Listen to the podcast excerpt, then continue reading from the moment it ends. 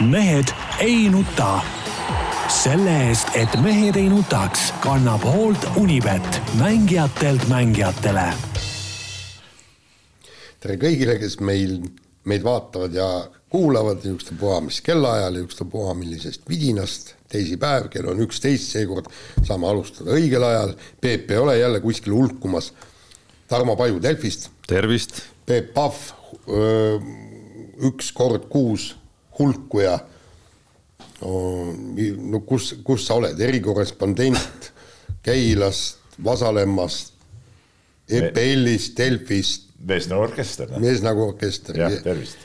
Jaan Martinson Delfist, Eesti Päevalehest, igalt poolt mujalt. nagu ma saan aru, siis Peep tahab esineda programmilise sõnavõtuga. ma tahtsin Jaani kiita enne just, et, et sõna vidin on ikkagi väga sihuke moodne sõna tegelikult natukene, natukene aega veel ja natukene aega veel ja läheb juba gadget'i peale ka üle. sellest ajast kiita, et nad Bruusilt mind rokk ära kaapis. loetud sekundid enne saate, seda, selle eest tahaks ka kiita muidugi jah. et ta oli nii tähelepanelik, et. ütleme niimoodi, proovisin, proovin see vidin, mis on venekeelne vaste asjale vidin ma ei saa öelda seda. ei saa öelda. aga kusjuures see on väga hea sõna, see väljendab absoluutselt kõike. kõike jah ja kõik saavad aru ka, millest jutt käib. millest jutt käib jah. nii, aga programmile sõnavõtt, see on nagu lihtne näeb, siin midagi programmi otseselt ei ole, aga tahtsingi hurjutada lihtsalt äh, ajakirjandust ja, ja, ja, ja minu arust see on üks sihuke sümptomaatiline äh, tegevus, mis siis ilmnes järjekordselt äh, pühapäeval ehk siis isadepäeval, mis on ära ütlemata tore päev. mul näiteks äh, tütar oli kodus pannud äh, kirja terve, terve lehetäie tegevusi, mida tuleb selle päevaga teha ja üldse nagu oli nagu tore päev, eks ole, ja siis muidugi, mis ma teen, mis ma vaatan, võtan lahti ka meie enda armsa Delfi ja noh, mis, mis lootsad siis vastu vaatavad, et et küll oli isadepäeva kõige, kõige tähtsam tegevus oli see, et kuidas ära peita ennast isa eest kuskile ja, ja, ja, ja mingid vägivallalood ja nii edasi nii edasi ja isade alkoholismi lood ja nii edasi, et noh see on, see on haige tegelikult, noh, see on nagu sihuke, see on nagu sihuke noh, et, et nagu, nagu jääb vahest sihuke mulje, et nagu meedia tunneb nagu mõnu sellest, kuidas, kuidas ütleme, mingil positiivse päeva saaks mingisuguse sita laiali laotamisega nagu ära rikkuda, et, et see on, see on varem olnud mingi jõulude ajal, kus tulevad lood, kuidas ikkagi jõulud on kõige vägivaldsemad päevad aastas ja nii edasi ja nii edasi.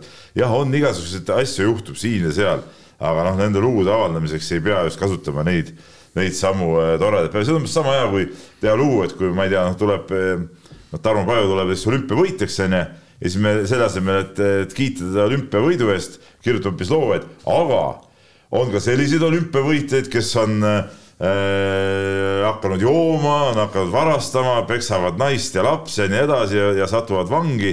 Ja see on siis nagu see lugu number üks selle olümpiavõidu puhul, et see umbes täpselt täpselt sama välja, noh, et, et see on, see on, äh, see on nagu totter ja, ja see paistab nagu ikkagi silmade.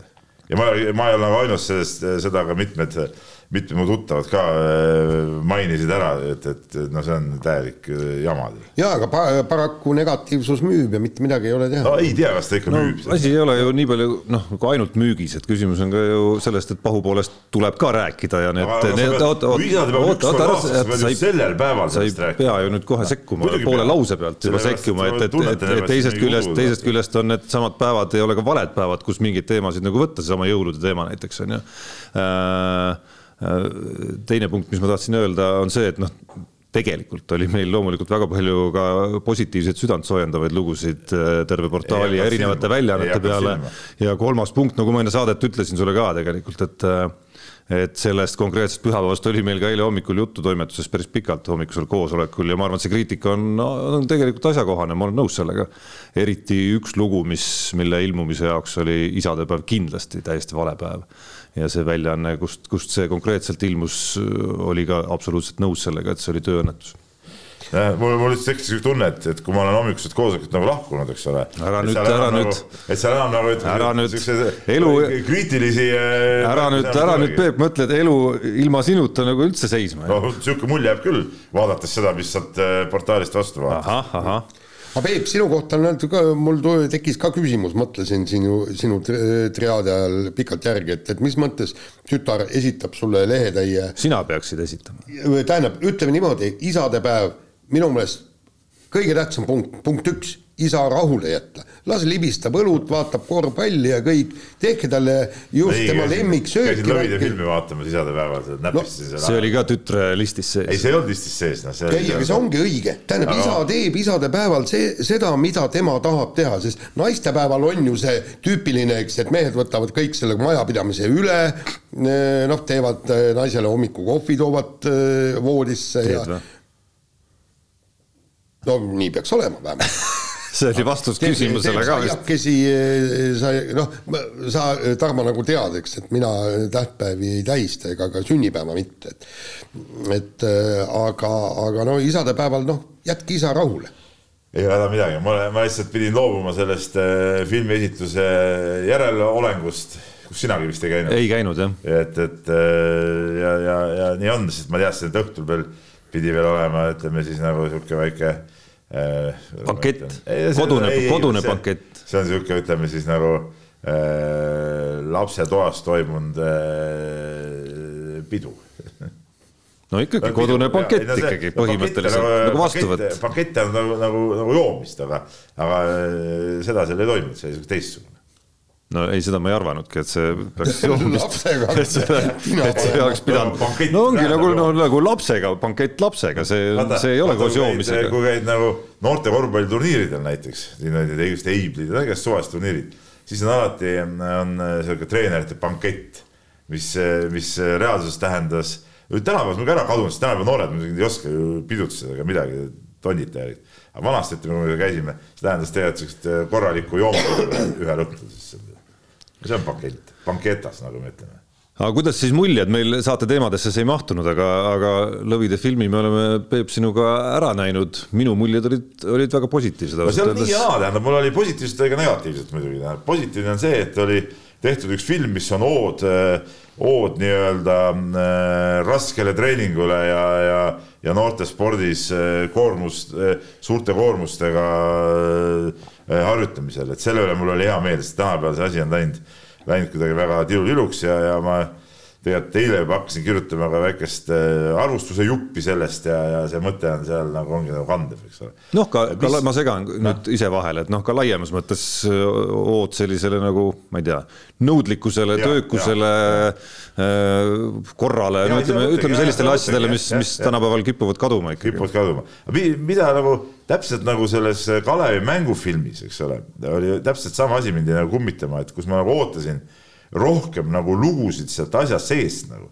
et, et okei okay,, seal oli seal, Indrek Olumets muidugi rääkis nagu kõige paremini sellest, kuidas nad seal Viljandi laagris äh, ütleme pärast seda, nad olid seal hirmsaid jooksukaristusi saanud, äh, võtsid koos Toomas Kallastega kotid selga, hüppasid aknast alla ja, ja panid minekut ja jär, järgmine hommik oli Roman Lubagi neil kodus järgi ja, ja olid nad kohe laagris kõpsi tagasi. vot selliseid lugusid oleks tahtnud saada rohkem, et selle, selles mõttes ja minu jaoks see film natukese pinnapealseks et, et no need vanad dokumentaalkaadrid, ma seda dokumentaalfilmi olen elus näinud mingi kuuskümmend korda võib-olla.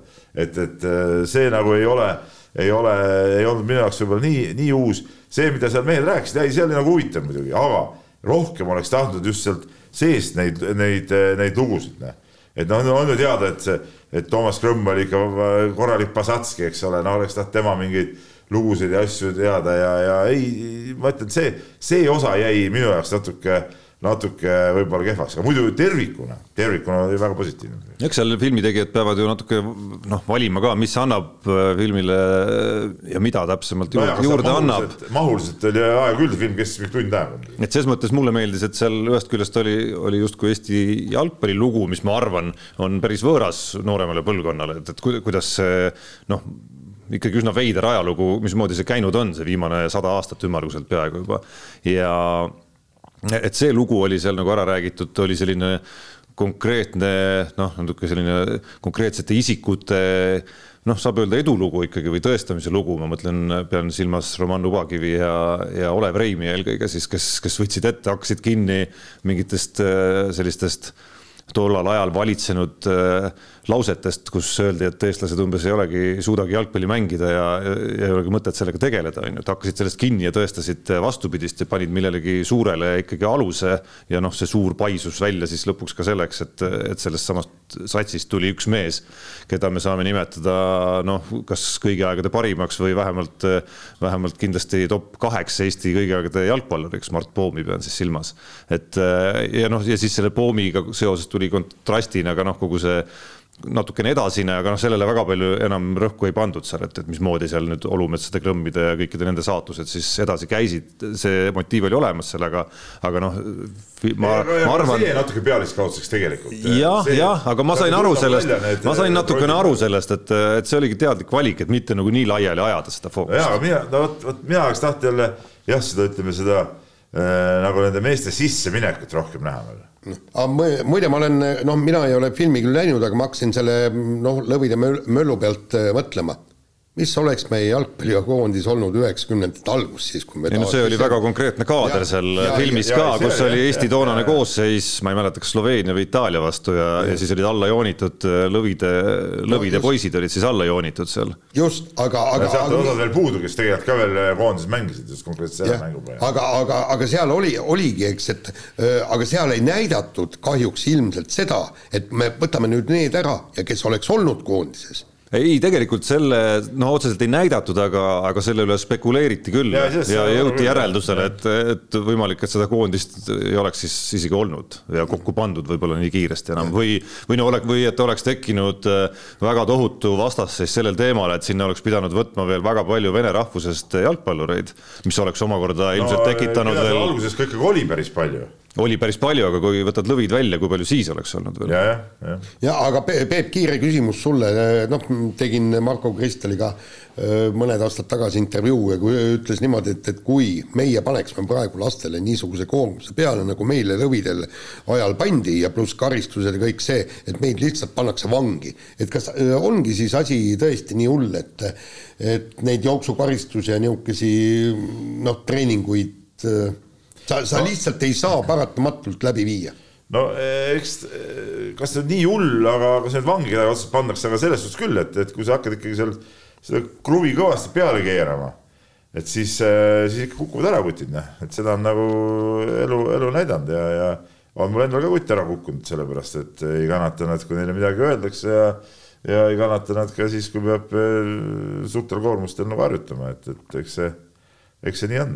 see tõdemus jäi ka Martin Reimi lauses ja, seal filmi lõpus üsna selgelt kõlama just, just, just see, just see toonaaegse ja, praeguse ja, süsteemi, süsteemi vahe ikkagi, kus klubisid on väga palju, poisse on väga erinevaid, sul ei ole tipud ühes kohas koos äh, sul ei ole sellist võimalust, et uus tuleb peale kuskilt kohe, kui see üks ei pea koormusele või halvale sõnale vastu ja ja, ja nagu see Reim ütleski, et kui samamoodi paned koormuse praegu peale seal ühes keskmises Eesti klubis, siis ühel hetkel on treener üksi. ja, ja ka Reimiga tegin mõned aastad tagasi intervjuu ja siis ta ütles väga hästi ära, et, et praegused ikkagi äh, need noorteklubid ja noortetreeningud, et need ei treeni mitte tippsportlasi, vaid teevad sotsiaaltööd, mida tegelikult peaks tegema, tegema sotsiaalosakond, ehk siis toovad äh, noori äh, Äh, tänavalt ära ja annavad neile mingisugusegi võimaluse liigutada, sellepärast et neid, kes tõesti tahaks selle koormusega mängida, neid on käputäis, aga neid ei saa koondada ühte kohta ühte klubisse, nii. enne kui me läheme teemade juurde, on mul paar väikest sellist reklaamteadaannet ka, millest esimene puudutab nädalavahetusel, nädalavahetusel algavat jalgpalli MM-i ehk siis nii nagu ka eelmise EM-i ajal on Delfis toimumas jalgpalli ennustusvõistlus, suur ennustusvõistlus, kus kõiki mänge ja lisaküsimusi saab ennustada. saab võistelda individuaalsete auhindadele, aga saab ka oma sõpruskonnaga gruppi püsti panna ja seal sees siis omavahel võistelda või siis grupina teiste gruppide vastu. ja selleks, et asi oleks põnevam äh, muude muude noh, ma ei tea, imelik on öelda enda kohta tuntud inimene, aga noh, seal meist on palju tuntumaidki, kes sekkuvad sinna ja asuvad ennustama ka lõvi, ka lõv, ka lõvide seas, ka, ka lõvide filmi osaliste seas saab olema neid, kes selle ennustusvõistlusega liituvad, aga et asju huvitavamaks teha, siis taaskord on ka Mehed ei nuta nimeline grupp seal olemas, meie kolmekesi oleme seal, oleme seal osalemas ja ootame kõiki oma oma vaatajaid-kuulajaid ja jälgijaid ka sinna gruppi, et, et Delfi spordi avalehelt on võimalik ja, ja meie jalgpalli MM-i erilehelt on võimalik see viide leida, kuidas sinna jõuda, aga, aga kindlasti jagame seda ka Mehed ei nuta Facebookis, kuidas sinna täpsemalt siis ligi saab, kui, kui ikkagi ei leia ja, ja loomulikult eesmärk peab olema, et Mehed ei nuta grupp paneks kinni selle, selle võistluse, ootame siin nii üle laua olijate kui ka siis kõikide meie kuulajate-vaatajate panust. eelmisel korral jäi siin eriti minu vastas oleva kahe mehe panus väga kasinaks. ei, kui mul on meeles teha need äh, ennustused ära, siis ma võidan kindlasti. eelmine kord sul oli isegi ikka seni, kuni sul oli meeles, ei näinud ma seal väga suurt tähelendu. mis see eelmine kord üldse oli, mis turniir meil oli? jalgpalli EM noh, see ei ole ka mingi, see, see on. see on nagu sihuke. sa oled nagu globaalse haardega lihtsalt, et see Euroopa jääb liiga kitsaks sinu jaoks. ma siukse, ütleme kohaliku tasandi siukse tiluliluga ja, ja noh, seda me ei võta tõsiselt. aa, ei no siis saame, siis on ju asi kindel. ja, ja, ja punkt. ei ole mõtet teil osa võtma hakata siis ei vastupidi, siis on just mõtet Aa. tulla ja osaleda tahad ja saada osa sellest. kõik, kes tahavad kaotada, tulge võtke osa. saada osaks ja olla tunnistajaks ikkagi noh, sellisele tipptasemele. kuidas tegeleda asju tehakse. jah, täpselt. ja punkt kaks, äh, tuletan meelde, et laupäeval on Kalevi spordihallis toimumas üks äh, ütlemata äge üritus, ehk siis äh, Eesti-Ukraina heategevusmäng enne BC Kalev Cramo ja, ja Prometee Eesti-Läti liiga kohtumist, mille eesmärk siis on on Kiievi, Kiievis maatasa, või nüüd maatasa on liialdus, aga, aga ikkagi üsna puruks pommitatud avangardi spordihalli taastamiseks raha kogumine. no siin reklaamist läks, ma tuletan meelde, et laupäeval on äh, Tallinnas hoopis ka üks teine mäng, mis on äh, Keila TalTech samal ajal. see on ka tähtis. jah, et kes nagu ütleme, äh, ma saan aru, et raha kogumine on õilis tegevus muidugi, aga aga ütleme, kes tahavad nagu paremat mängu näha kui Kalev Cramo ja Prometee, siis need tulgu TalTechi spordihoonesse no igaühele midagi. jah.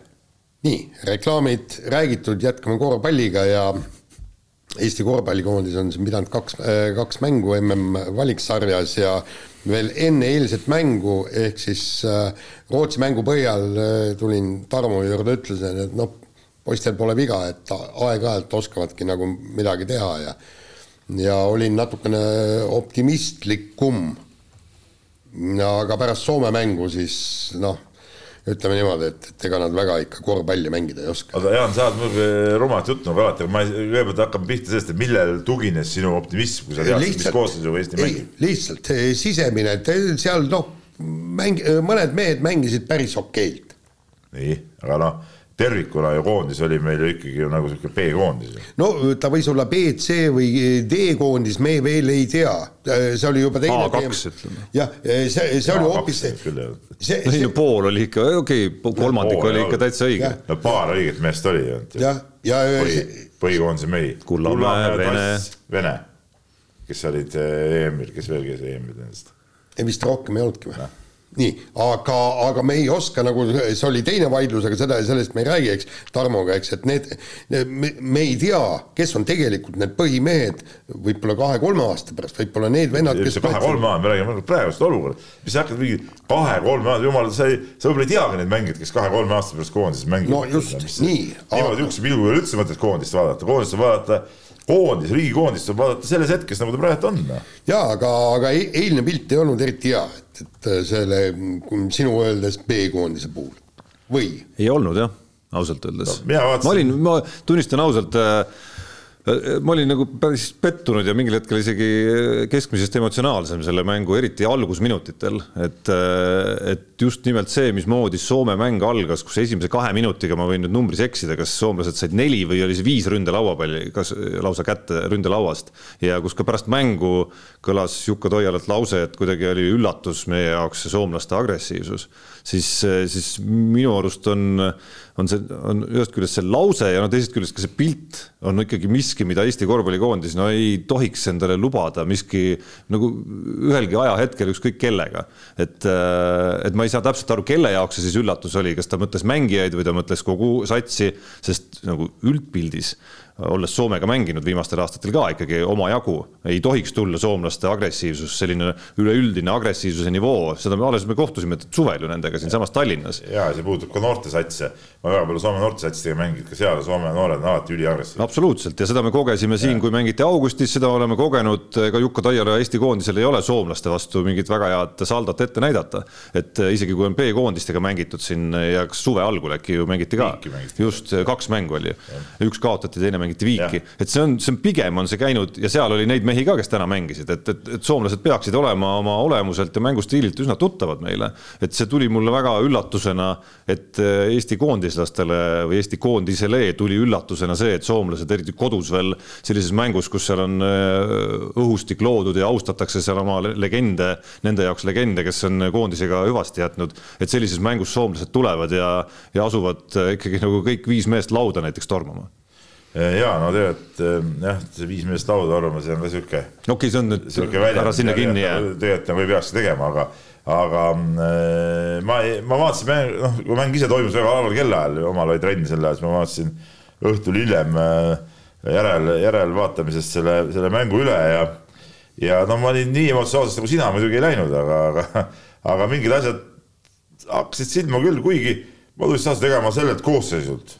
Ma ei oodanud küll, et nad üldse, teil oleks mingi variant siin ei Rootsit ega Soomet võita tegelikult, noh, mille, mille põhjal sa siis seda loodad, kui, kui seal mängivad ikkagi mängijad, kes ei ole, noh, okei okay,, need kolm meest jah, need on, need on äh, tublid mehed ja, ja siin ei ole midagi rääkida, nendel oma taseme level olemas, aga kusjuures ka Vene võib-olla ei ole kõige paremas aja, ajahetkes praegu. ka Gregor Hermet ei ole kõige paremas ajahetkes. ma just mainiks, tema ei käinudki EM-il, eks ole. aga oli näha, et ka ei ole ikkagi kõige paremas, nagu klubi ja, mängud ja, viitavad. ja äh, aga samas oli ka palju siukseid mängijaid, kes ei ole üldse see koondise tasemel ju, ju varem mänginud või on tõesti selle B-koondises kuskil natuke natuke sealt kätt proovida, et sealt ju väga suurt lootust ei saanudki olla tegelikult. Ja, ja mis puudutab jälle sellega ma olen küll nõus, et see jutt, et, et siin tuleb soomlaste poolt midagi tuli üllatusena, no see nagu ei päde. Ja teine asi on see, mis, mis Rootsi mängus nagu silma hakkas, et, et Rootsi tagamängijad, kes, kes olid ju teada, et on, on, on nagu tugevad ja, ja mida nad oskavad teha ja, ja siis nagu ühtemoodi suhteliselt ikkagi nagu lõikasid neid korve sealt, et noh, jah et kas siis mehed nagu üldse platsi peal aru ei saa, et mis, mis siis nagu toimub. ja kui noh, ma isegi, ma isegi ei hakka nagu võidust tingimata rääkima, et, et seda, et Eesti ei ole minu jaoks kummaski mängus võidusoosik, sellega, seda ma oleks võinud rahulikult öelda ka enne, enne mõlemat kohtumist, mitte isegi tagantjärele targana, et vaadates neid reaalseid koosseise, siis, siis tundus loogiline, loogiline, et paberil me ei olegi kummastki meeskonnast paremad, aga lihtsalt see pilt, noh, Rootsi vastu mitte niivõrd, kuigi ka seal algus läks aia taha, aga Soome vastu eriti kus, kus jah, oli, oli mingisugune üks konkreetsem periood, kui me olime vastastele kiire algedu kätte andnud ja, ja kus vastastel tuli ka vahetusmehi väljakule näiteks, et, et seal olid mingid nüansid, mis aitasid kaasa ka kindlasti. et me saime jala justkui maha ja meil tulid vahetusest mingid mehed, noh, mingid mehed, kellesse võib-olla paberil äh, ütleksid, et noh, et äh, nad, nad ei peaks olema ja nendele ei peaks see meeskond toetuma, aga tuli Mihkel Kirves ja just tema oli see, kes pani jala maha ja, ja kes tõi sellist hoopis teistmoodi võitlust ja sellist, sellist suhtumist ja olekut sinna väljakule, et ei tule need soomlased midagi meie käest palli ära rebima.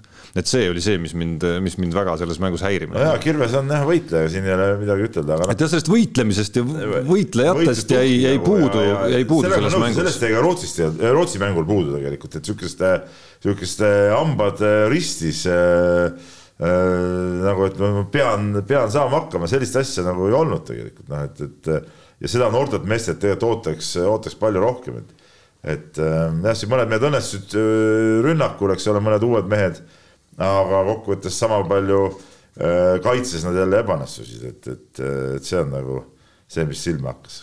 üks, üks selline tagantjärele mõte, mis mul Rootsi mängu üle veel tekkis ja, ja selle üle, mida sa mainisid ka, ehk siis see taga, vastaste tagamängijate noh, mitte just kõige õnnestunum pidurdamine, mis selles mängus siis öö, otsustavaks lõpuks ka sai, oli see küsimus tagantjärele, et huvitav valik ikkagi Jukka Toialal, ma saan aru, miks see sai tehtud, aga huvitav valik oli Martin Torbeki koondisest väljajätmine selles aknas ma pean ise tast välja jääma. minu teada oli see ikkagi, oli see kuidagi nagu kokkuleppeline selles mõttes, et äh, vähemalt minu andmed on sellised, et see, see oli treeneri, treenerite seltskonna otsus pigem. et noh, lihtsalt teadlikult andagi võimalust võib-olla natuke siis Märt Rosenthalile, Robert Valgele rohkem.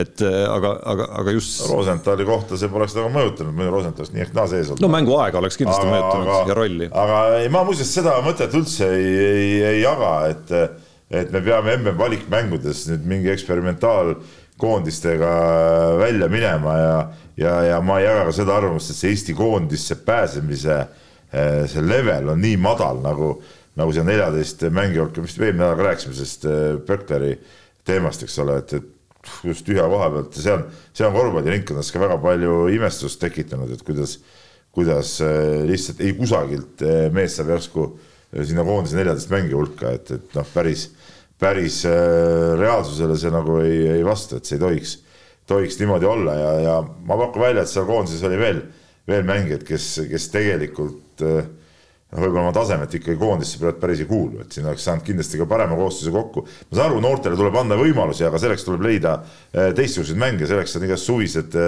suvised nii-öelda kontrollmängud ja, ja, ja, ja, ja, ja mingid niisama kohtumised, eks ole, sõpruskohtumised, aga MM-valikmängus peaks ikkagi mängima noh, ütleme nendest meestest, kes meil on ikkagi parim, parim valik. noh, mõni noor, okei okay,, sa võid sinna üks-kaks venda sinna juurde võtta, sihukest, aga, aga mitte nii, et sa jätad parimad mehed kõrvale, eks ole, et, et see, see nagu ei saa nagu olla nagu. jah, noh, seda me päris ei saa öelda, et parimad mehed oleks ei, kõrvale jäänud no,, et ega meil. sellest, no kas sa arvad, et Torbeku. aga antud juhul, nagu ei kindlasti on, pluss tema kasuks noh, räägib seesama ikkagi ta reaalselt äh, oma suviste kontrollmängudega võitles ennast äh, kaheteistkümne hulka, minu arust oli see üks kõige klassikalisemaid äh, sellise positsioonivõitlusi koondises ühe koha peale, mis me, mida me suvel nägime, Martin Torbek versus Märt Rosenthal mm -hmm. ja, ja Martin Torbek ei pea peale selles duellis ja, ja teenis endale koha kaheteistkümne hulgas välja EM-finaalturniiril. pluss tema kasuks veel oleks rääkinud noh, kui puhtmänguliselt vaadata ja, ja seada ainsaks eesmärgiks võimalikult hästi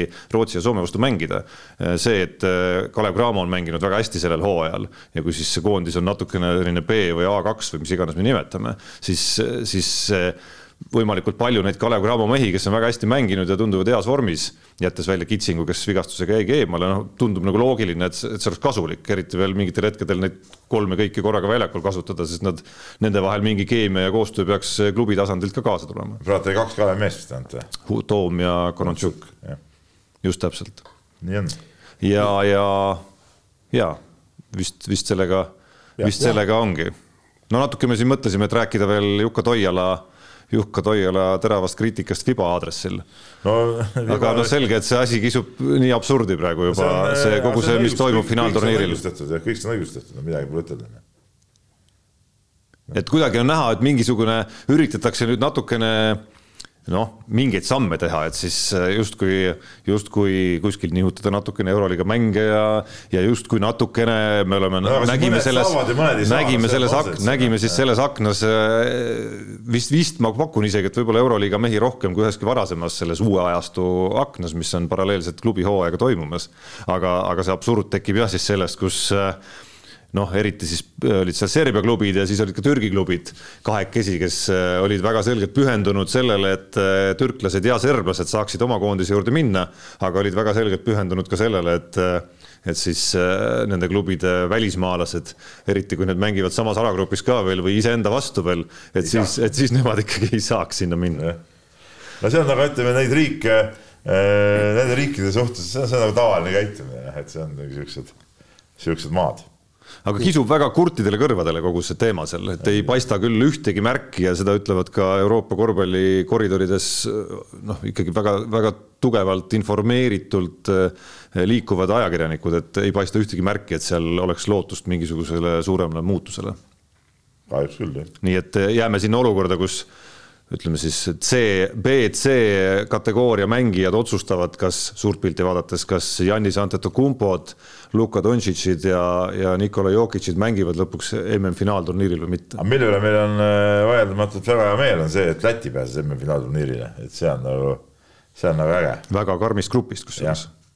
aga meie vahetame teemat, läheme autoralli juurde, autoralli MM-sari sai läbi, sai läbi ühest küljest väga dramaatilise ja põneva Jaapani ralliga, teisest küljest äh, põnevust oli palju, aga, aga ega see punktitabelis suurt ei maksnud midagi no ütleme niimoodi, et kui on juba maailmameister teada ja, ja noh, meeskondlik maailmameister, see nagu suurt kedagi ei huvita, ega siis, siis need nii-öelda öised rallid ja, ja, ja võib-olla on, on tõesti õige see, et, et äh, ralli MM-sari peaks lõppema Walesis no Euroopas vähemalt. Euroopas jah, no kuigi Wales on noh, mm, traditsiooniline see, et põhjus ongi just väga lihtne, kui, kui läheb tõesti noh, niisugune punkt punkti heitluseks, et siis peaks olema eurooplastel, keda, keda on siis noh. ralli puhul kuskil rohkem. just täpselt, et, et neil oleks mugavam kõike seda jälgida, aga oli nagu oli, et.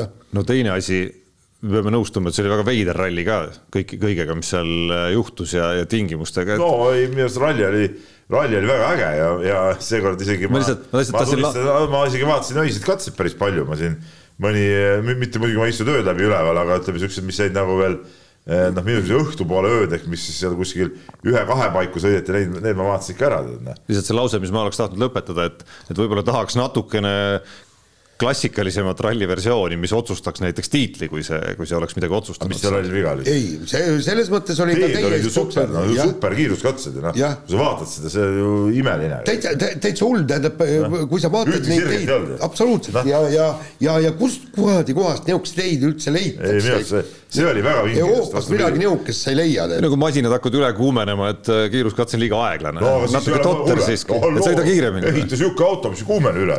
ja ei no seal on igasugused lahendused ja juradega seal tegeleda. ei no seal on igasugused lahendused ju tegelikult olemas, kui nad, kui nad ette Ega teavad. see et... ei tulnud üllatusena, kokkuvõttes ei saanud tulla üllatusena ju, see teede struktuur. jaa, aga see ralli lõpp oli ikkagi noh, ütleme niimoodi, ühest küljest ühest küljest jumal tänatud, et, et just see, kuidas seal seda vihma sadama hakkas ja, ja rehvi valik otsustas põhimõtteliselt ralli, ralli saatuse ühest küljest jumal tänatud, et, et, et selle nii-öelda ilma ennustajata võitluseks ei läinud see maailmameistritiitli pärast heitluseks, et ilma ennustajaid ei pidanud otsustama omavahelises heitluses, kes tuleb maailmameistriks. ralli võitjad see otseselt ei otsustanud, sest et ega tegelikult see vahe oli ju äh, peale Evansi rehvi purunemist oli ju vahe tegelikult ju kindel. Noh. jaa, aga, aga aga no põhimõtteliselt jah, jah. ja, ja, ja see Evans oleks ka sealt ju ära pudenenud ka ilma selle rehvi. ilma selleta muidugi jah ja,. aga selles hetkeks see oli juba juhtunud. jah, et, et, et selles mõttes on jube karm aga seda sa ei saa nüüd Jaapani süüks panna, et ei, ilma ennustaja võib rallit otsustada ükskõik kus. süüks paned siin sina minu arust praegu nagu ja. Jaapanile midagi, meie nagu, mulle tundub, et ei pane. et, et selles mõttes, vaata, see ongi siis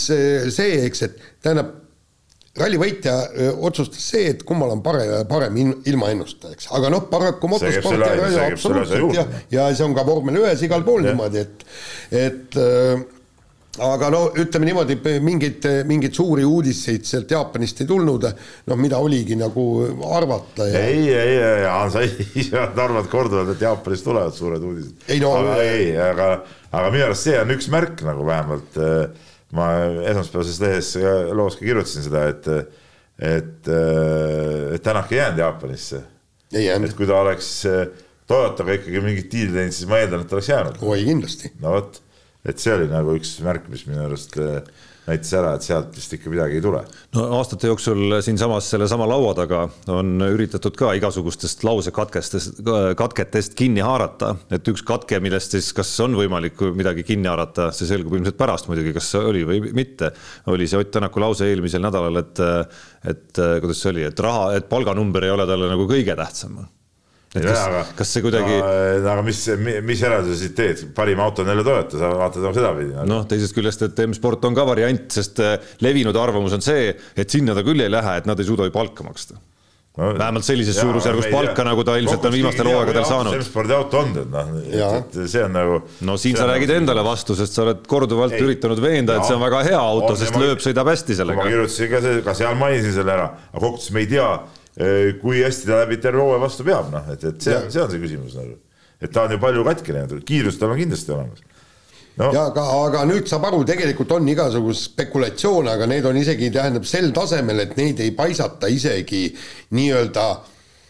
ei olegi vaja paisata. jah, nii-öelda tõsis, veidikenegi tõsiseltvõetavasse meediasse ei paisata, aga, aga, aga seal noh, tähendab no jutud käivad, eks, et jah, et M-sport, aga, aga no see, see on täitsa niisugune puht spekulatsioon. no ma ikkagi ei tahaks rahule jätta, te olete, kas te olete rallispetsid või nii-öelda rallispetsid? küsin alustuseks, puhas jah ja ei küsimus või nagu kumb ei, kindlasti ei ole. ei no mis no ikka. kumb sa oled, Peep? kumb? Nii-öelda või? ei no ikka, mina olen jah nii palju jälginud Jaaniga, Jaan tagasihoidlik, mina arvan küll, et võib öelda. saad aru, meie, meie ei näe. ei, ära hakka, mul on lihtne ja. küsimus. nii no,, ei ole nii-öelda, vaid päris. küsimus on selge, kui meil on õhus kolm varianti, Ott Tänak ei sõida järgmisel hooajal, Ott Tänak sõidab Toyotaga, Ott Tänak sõidab äh, Fordi roolis M-spordis äh, millisesse järjekorda te need paneksite praegu? tõenäosuse järjekorda. oota. kui peaksite koefitsiente välja mõtlema, ma numbreid ei taha, aga palun tõenäosusi.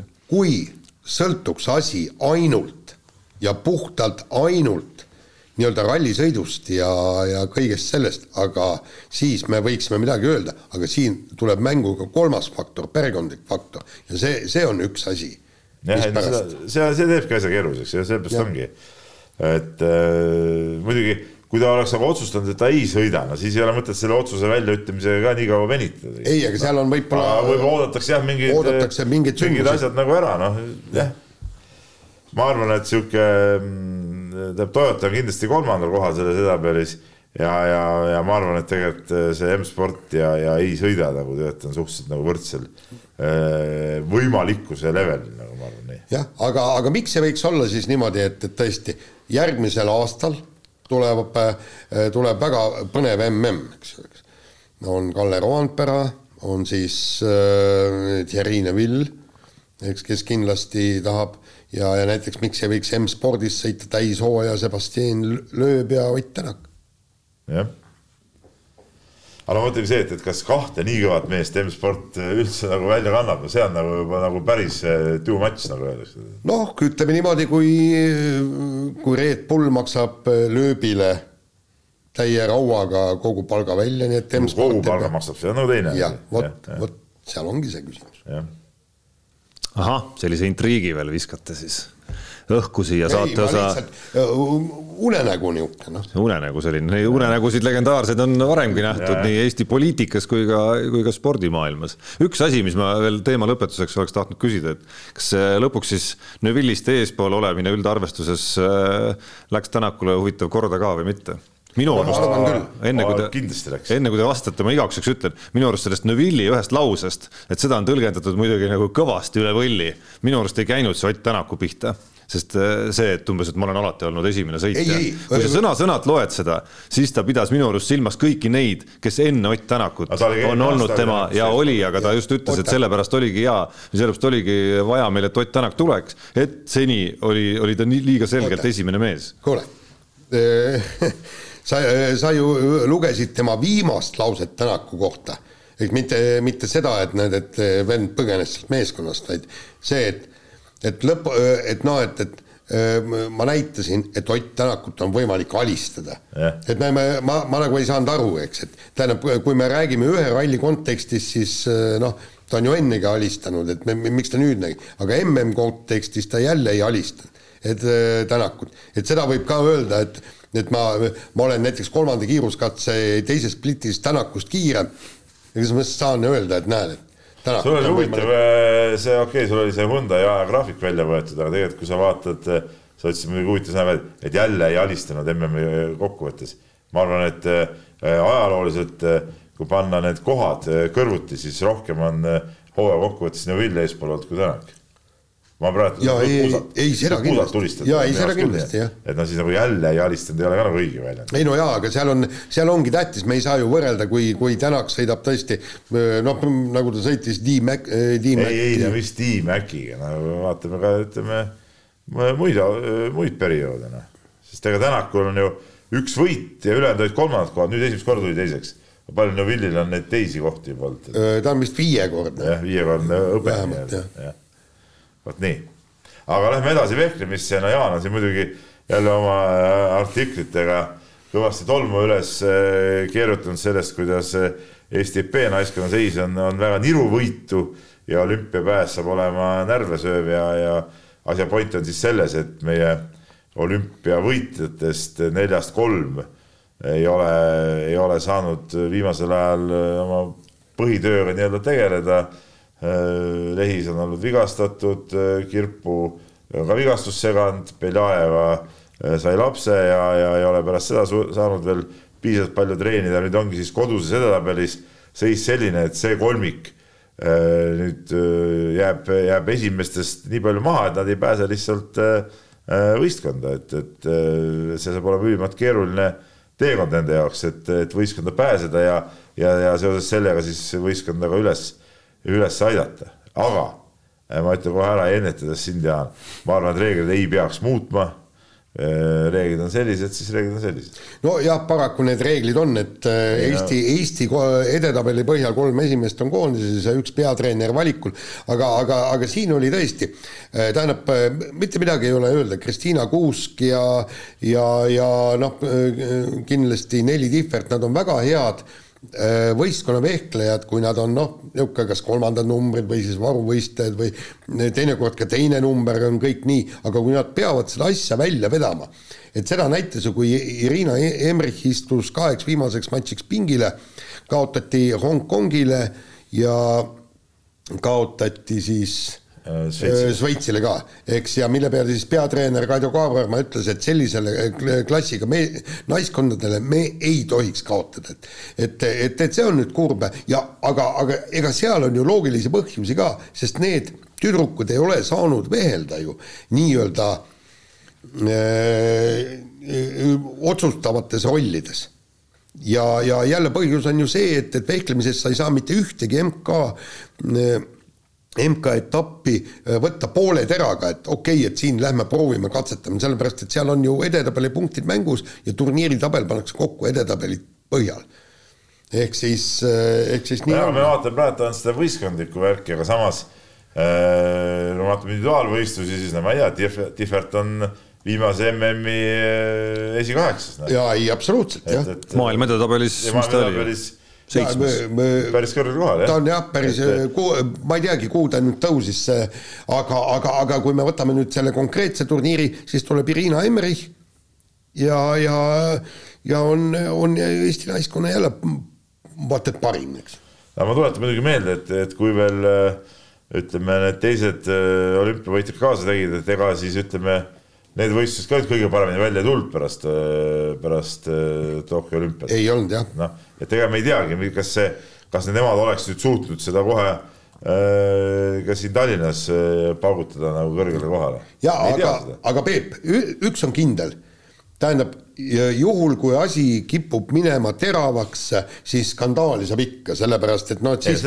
ja et siis kohtuvad kaks, kaks vastastikku leeri, üks on ehk siis see leer, sinu partei mehed ja naised, kes ütlevad, et reegleid ei tohi muuta ja teine on siis see partei, kes ütleb, et vehklema peavad parimad. nojaa, aga kuidas sa parimad selgitad siis? ei no kasvõi turniiride põhjal, tähendab, see küsimus ongi see, et, et. milliste turniiride põhjal? ei, sa, sa lähed MK-le, sul on, sul on MK-etapil on, kõigepealt on individuaalvõistlus ja naiskonda sa võtad need, kes on selle selle MK-etapi parimad. siis peavad ju kõik saama sinna. aga, saavadki, aga saavadki. Jah, ja saavadki. Te, tegelikult käivadki, Tihvert käib ja, Sulkova käib ja, ja kõik, kõik nemad käivad. Tihvert peabki käima, ta on ju, ma räägin, tuletan veel kord meelde, ta on ju vaieldamatult esinumber praegu. ja aga vaat siis sa panedki koondise kokku nendest, kes on antud, vot sellel hetkel, vot sellel nädalavahetusel kõige parem. no muidugi, see on, siin on ka see küsimus, et ei, nii võib ka teha, eks ole, kui niisugune reegel vastu võetakse, mul selle vastu ei oleks midagi, see, see oleks jumala okei okay,, aga ega nüüd see konkreetne turniir ka alati ei näita seda, no seal sa tead küll, kuidas vehklemis on, eks ole, et seal tuleb sul vastu maailma esinumber, kukud välja ja kogu muusika, eks no, ole. Ja. no ei, aga, aga, aga no vot, ei, aga absoluutselt, no ütleme, siin on valmimise koht, aga lähme järgmise teema juurde. ma tegin vahepeal väikese statistikavaatluse ka, kui te vehklemisesse süvenesite, et Tänak versus Neville üldkohad. viimased neli aastat Tänaku kasuks kolm-üks, viimased kaheksa aastat alates M-sporti minekust äh, kolm-viis Tänaku kahjuks noh, ehk siis ta oli neli hooaega järjest kaotas ja, ja siis viimasest neljast kolm on olnud ees. No lihtsalt nii on. nii, aga võtame järgmise teema ja jalgpalli mm algab. ja mis siis toimub, kes see võidab ja, ja, ja ütleme niimoodi, et, et ma, ma ei ole siiamaani. jalgpalli MM-iga on selles mõttes alati üks ja sama lugu, et sel hetkel, kui ta pihta hakkab, noh peab, peab tegelikult ausalt tunnistama, et ega nagu mingi üli, ülisüvitsi pole läinud sinna, et noh, niisugune tunne jääb nagu ei olekski jalgpallihuviline, aga niipea kui asi hakkab pihta, jälgid nädal aega, siis tunned ennast juba maailma kõige kõvema jalgpallieksperdina. asjad on tead nii, et minu arust see seekord MM algab küll niimoodi, et noh, mingit tunnet küll ei ole, et jalka MM algab. just, ma olen Peebuga täitsa nõus, jah, jah. kes näitab seda üldse, seekord näitab ETV veel. aa, seekord näitab ETV, jumal tänatud. et aga niisugust nulltunnet on, ei ole nagu null asiotaaži on selle MM-i ümber tegelikult ju minu silmis vähemalt, vähemalt minu infoväljas nagu mitte mingit asiotaaži ei ole. kui see on olnud traditsioonilistel aegadel, siis kuidagi sa suvel nagu ootad seda, nüüd algab, nüüd algab. aga praegu ta algab, noh, no praegu on miljon muud asja ma ei tunne nagu üldsegi, et mul oleks mitte mingisugust huvigi selle vastu. loomulikult no. ma hakkan neid mänge vaatama, see on nagu selge, loomulikult ma hakkan vaatama, kui pihta hakkavad. aga et mul mingit eelhuvi oleks, et ma, ma teaks täpselt, kes, mis ko koosseisus keegi läheb, nagu vanasti teadsid, vaatasid ära suvel, ootasid, ootasid, ootasid seda, millal nüüd algab, eks ole, et noh, olid seal mingid kontrollmängud, mingid ägedad seal juba tegid mingeid järeldusi. pagan, siin praegu mängisid eel, eelmine nädal veel äh, neid kohalikke liigasid, eks ole, Champions League'id käivad, nüüd järsku hakkab mm, no tühja koha pealt, noh. see näitab veel kord, kuidas selles rahaahnuses keeratakse sinna samusesse auku kogune, kogu see sport. see on ka põhjus, miks ma Jaanile rääkisin enne saadet siin, miks ma loodan väga, et et korvpalli Euroliiga näiteks saadab need äh, Dubai mehed ikkagi Dubai kuskile puu taha ära. et teeme kolm Pikale Final Fouri Dubais, nüüd anname Dubai meeskonnale koha Euroliigas. kuulge, no kuskil on mingi, kuskil on rahanumbrid ja kuskil on eneseväärikus ja põhimõtted.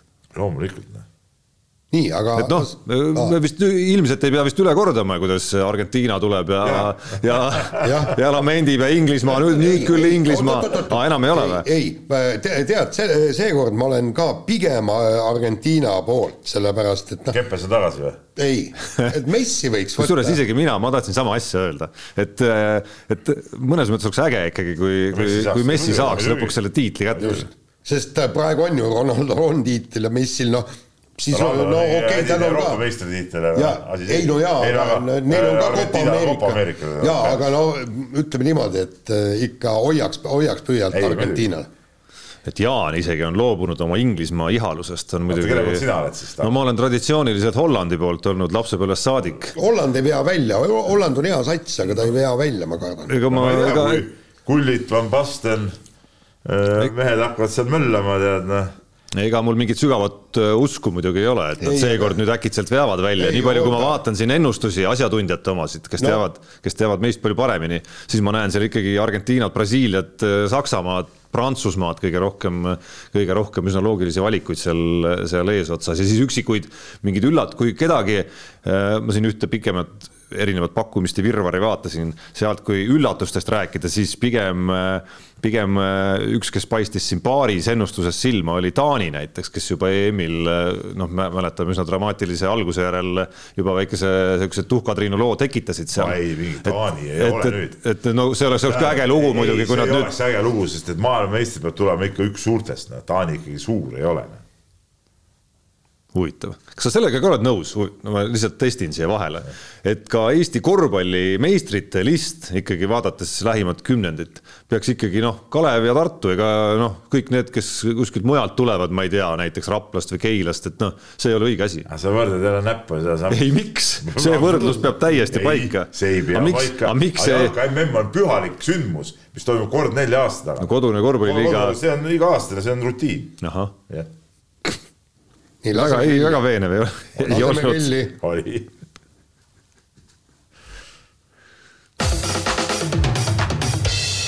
see Rubinik vist tukkus selle, tegi suitsu. no ilmselt küll, jah. tükk aega läks aega enne kui tõmbas, toppis seda, neid äh, padjakesi siia huule alla parajasti. kahe käega. kahe käega, jah. saab ühe käega panna või? ja ühega tõmbad ju moka ära, ma näin ja siis teisega topid sinna. vaat see üks meie minister ka pani seda pressikonverentsi. Peterson. jah, siis leidis täitsa hea koha minu arust. minu arust ka. haiged vennad no nii, lähme kiire vahemängu. see oli üks asi, et, et, et kas oled loll või sa mängid lolli, seal, seal on kaks, kaks varianti sa pead olla või mis, kuidas sulle tundub nõustud? no ikka totter, võiks ju suuta, võiks ju suuta tark inimene valida kohta, kus, kus ta seda teeb. ma räägin, et, et kas ta mängis nagu meelega seda välja nagu.? ma arvan, et ta ei mänginud meelega. vaata, ta on niisugune minister, keda mitte keegi ei tea. niisuguse inimese olemasolu. no ei, ma ikka nagu,, ma arvan, et. täiesti, no kui sa lähed tänava peale ja küsid äh,, mis ta on siis töö- ja tervishoiuminister või? selle nime äh,, kümme inimest. Ma arvan, et äh, üks vastab sulle ära selle ei, aga veel hullem, kui ta tuleb sulle tänaval vastu. ei, see ära nii tuleb, kes see on. ma arvan, et isegi kui sa eh, oleks minu käest küsinud, kes oli see mees, kes pani vastu tuli. mul see, ei, eh, mul see ministri nimi poleks meelde tulnudki ausalt öeldes, noh. see näitab taseme ära muidugi. ei no aga näed, nüüd vähemalt tuntakse teda jah, võib-olla tegi meelega, ma räägin. aa no jah, enne valimisi jah ja., kes läheb tantsusaatesse mm. ja kes leiab mingeid muid viise. kes loeb raamatuid mis oli muidugi, ma pean nüüd tulles saate alguse meediakriitika rubriigi juurde ise olema meediakriitiline, kahjuks ka tagantjärele, et, et minu arust oli see totter, totter teema, mida, mida siin noh, mida siin nagu, kus tähelepanu juhtida selles mõttes nagu oleks midagi halba selles, et see jah, see nurk, et, et et mees oli toodud kohale sinna no niisama keha tegema, ilma et üldse midagi teha oleks seal istungil, istungil ja infotunnis. noh, see, see nagu noh, see on teema, pigem teema, mitte see, et ta raamatut luges. ei näe, aga seal keegi, kas see oli äkki Valdo Randpere või kes see, nägin Facebookis kirjutas, et, et kui inimene scroll ib sel ajal telefoni et siis see ei ole nagu midagi, aga kui tuleb raamatut, siis see on nagu mingi hirmus patt, et, et mis nende sisuline vahe on, sisulist vahet ei ole tegelikult ju, üks lugemine kõik ju. ei, absoluutselt ja, ja. sa loed uudist või raamatut, mis vahet seal on? jah, ja tegelikult eh, noh, raamatu lugemist propageerida. scroll'id, võib-olla vaatad mingit eh, ma ei tea, mingeid pilte või jumal teab. no raamat siiski üldjuhul on positiivsem nähtus isegi. jah nii, aga üritame nüüd kiire vahemängu juurde jõuda ja Levadia peatreeneriks saab endine Hispaania koondisena, mis ta oli, viis mängu koondises mänginud äh, Curro Torres. mina tean seda teist Torres sealt Hispaania koondisest, aga seda, seda Torrest ma ei tea ausalt öeldes. aga, aga noh ütleme.... päris kuulus mees oli, kui vaatad või no nagu noh, ikkagi oli tiirelnud päris suures jalgpallis, mängijana, mängijana eelkõige siis. Hispaania koondises, eks ole. jaa, aga noh. viieks mänguks selle kohta nagu ei oska, ei oska jällegi midagi, midagi öelda. sa ütlesid peatreener selle Levadiast nüüd selle, selle aastanumbri sees on, ta alustab tööd detsembris, eks ole. viies äkki äh,. nii. alguses olid need kaks äh,, ei, ei see serblane kõigepealt. jaa, siis tuli teine. siis tuli teine, jah siis tuli üheks. siis üheks tuli see imelik äh,. mingi ukrainlane oli ta. jaa, kuskilt sealt jah, ja nii. siis oli Nikita Andreev, see viies jah, jah. viies, pole ka paha aga, aga kui, ega kui, jah ega, ega, ega siin me ei oskagi mitte midagi öelda, ma arvan, et mitte keegi ei oska öelda, isegi jalgpallispetsid ei oska öelda, mis kõigest sellest saama hakkab. endiselt huvitaks mind ja ma ei ole kuskilt lugenud, võite parandada, kui te olete märganud, olgu see meie väljaanne või, või mõni muu väljaanne. see, et keegi tuleks, räägiks mitte niivõrd, kes see uus peatreener nüüd nimeliselt on, vaid et mis, mis, mis tegi, tegelik plaan siis on Levadias yeah.. et mis on nende selle aasta otsuste taga ja mis, mismoodi nüüd siis edasi minnakse. no aga kes seda peaks rääkima? Viktor Levada, Viktor Levada näiteks. noh, pole vist kõige jutukam mees. no ei ole jah, aga ma arvan, et võiks olla kui tahta sellises rollis olla, kui tahta sellist äh, Eesti, noh, Eesti mõistes ikkagi tippklubi arendada. aga vaata, kuidas ikka aastaga nii palju muutub, et aasta tagasi umbes samal ajal eh, me kõik nagu ihalesime Viktor Levadalt saada intervjuud, et kuidas klubi tuli Eesti meistriks ja kuidas kõik on nagu nii super, super, super, kui üldse olla saab. Ja nüüd on nagu Viktor Levadast saanud mingi täielik eh, nii-öelda nagu noh, nagu, nagu Tondi Aadu nagu ütleme selles mõttes oma käikudega. ja aga selles et mõttes. ühe hooajaga nii palju saab muutuda. aga selles mõttes ei ole midagi muutunud, et äh, ma olen üsna kindel, et kõik toimetused ka täna tahavad Viktor Levadalt intervjuud, lihtsalt, äh, lihtsalt see on läbi aegade ajalooliselt olnud ja on endiselt väga keeruline. aga vahetame teemat, mitte ala. Oliver Jürgens, üsna skandaalse maiguga noor Eesti jalgpallur, kes aastaid on mänginud välismaal ei kuulu siis, mis ta siis on, Balti turniir meil tulemas nii meestekoondistele kui ka noortekoondisele. ei kuulu kummassegi koosseisu, kuigi U kahtekümmend ühte kutsuti ja, ja sinna juurde käis seekord jalgpalliliidu pressiteatesse lausa kusjuures teade, et Oliver Jürgens andis teada, et ta ei taha ühtegi Eesti koondist esindada. ja ütles, et praegu ärge mulle kutseid saat-, saatke ja kõik nii ja kui oleks see, sellega pandud punkt siis okei okay., no ta tahab arendada klubi karjääri, kõik noh, noh. sa ju tead, et see on sügavam teema. ei, just, tähendab, kui, seal oleks olnud punkt, eks, aga siis oli, kas oli äkki Postimees või keegi tegi tema isaga ja kus hakkas see selgitamine, et samast klubist pärit mängija või samast meeskonnast juba on Leedu koondises või kus kohas kutsuti, aga meil, et poega kutsutakse U kakskümmend üks koondisse ja umbes, umbes, et nagu probleemid on seal taga ja kõik nii. No, no mõte oli selles, et isa mõte oli selles, et kui huvi ei tunta ja kohe meestekoondisse juba praegu ei kutsuta, siis ei tule ka noortekoondisse no,. sa lugesin mina välja no,. mina lugesin niimoodi välja ja, ja, ma ütlen, et täielik tontlik joga, noh. ma ei oska muud midagi ütelda, mis, mis udujutt see on.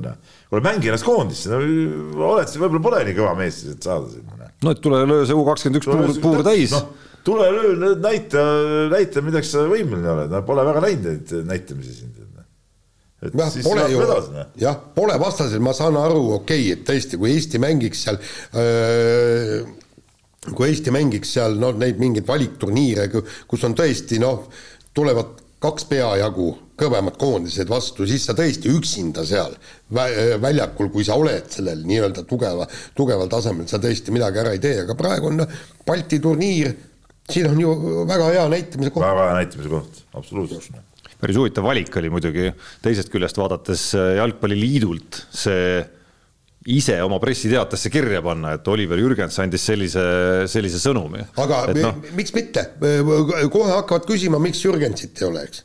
ja nüüd on kõik vastus antud ja kõik. ärge tüüdake meid enam küsimustega Jürgensi kohta, tuleb koondisse, tuleb. küsige tema käest ja., jah, jah. nii, aga siin on nüüd mulle pandud äh, teemaks mu enda artikkel, mis ma kirjutasin. no kes saab kõige paremini ikka seda sisse oskab Aha, juhatada. selge. see on fili filigraanne planeerimine. tegin, tegin siis siin hiljuti jah, ühe pika intervjuu Hanna Talijärviga, meie laskesuusatajaga ja, ja ta siis meenutas seal oma eelmist väga-väga keerulist eh, hooaega ja siis selle hooaja lõpus ütleme, olid emotsioonid nii üle käinud, kus ta, üle keenud, kus ta ütles siis peatreenerile, et et ta lausa vihkab laskesuusatamist, et ja, ja ei tahaks sellega üldse tegeleda aga, aga ütleme, sai muude asjadega, muude sportlike tegevustega ja nende abil nagu siukse ennast joone peale tagasi ja, ja väga hea meelega rühib praegu Eesti laskesuusakoondise laagris Soomes.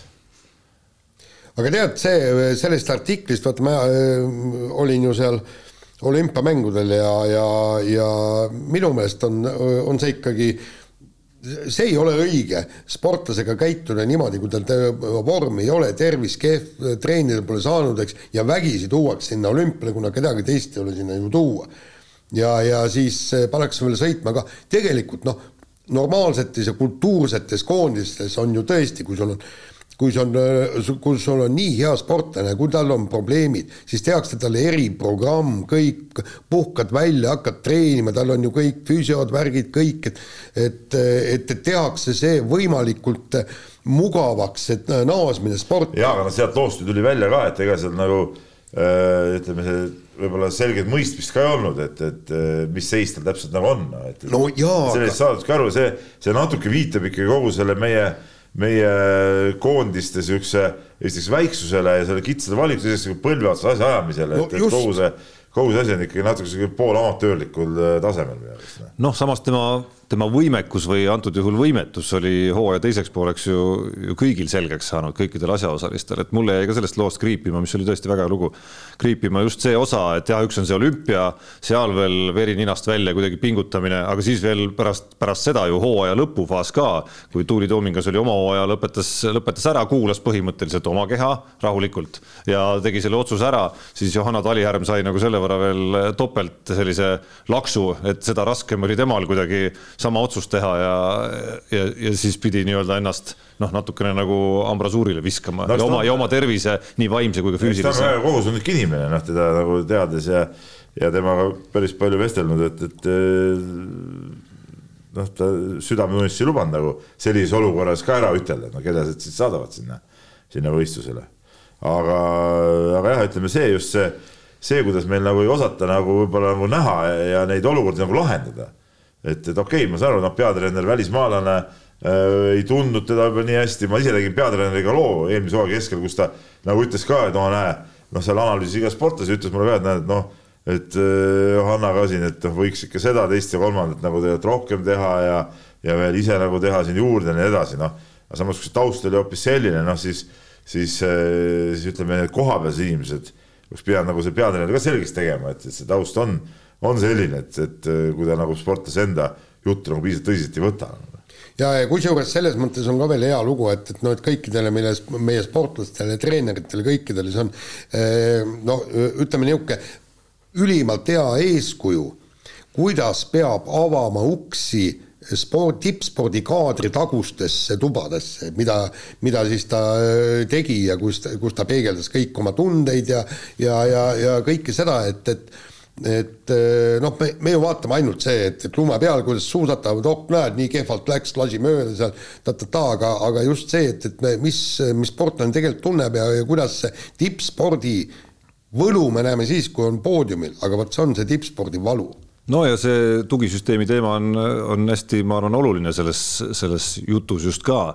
mulle meenub üks Robert Rooba intervjuu võimalik, et see oli Kalev Kruusile, kus ta, kus ta rääkis siis, kui ta kasvas Soomes seal okisüsteemis üles, kus juba noorteklassis on sul äh, nendes klubides, äh, Soome tugevates klubides on sul noh, kõik olemas seal, alates loomulikult hokitreeneritest, siis füüsilise treeneritest, psühholoogidest, noh, kõik, kõik, kõik, ma ei tea, keegi aitab õppida ja mis iganes, kõik süsteemid on olemas. Ja kuidas seal oli ühel tema ealisel tema klubis, kui ma nüüd õigesti mäletan, võib-olla eksin mõnes faktis, tekkis hetk kuskil, ma ei tea, kuskil seal kahekümneselt või kuskil sealkandis pluss-miinus paar aastat hetk, kus ta tundis, et ta ei tahagi hokiga tegeleda enam. viskas kepi nurka ja kõik motivatsioon oli läinud ja kuidas siis sekkusid seesama tugisüsteem, need mehhanismid, mismoodi, mismoodi põhimõtteliselt võeti kohe poiss laua taha äh,, räägiti ära, okei okay,, äh, teeme nüüd nii, et sa võtad nüüd hoopis, ma ei tea, kuu või kaks või mis iganes äh,, ei tegele üldse hokiga äh,, mõtled elu üle järele, tegeled muude asjadega ja lõpptulemus oli see, et, et seesama kutt oli vist Äh,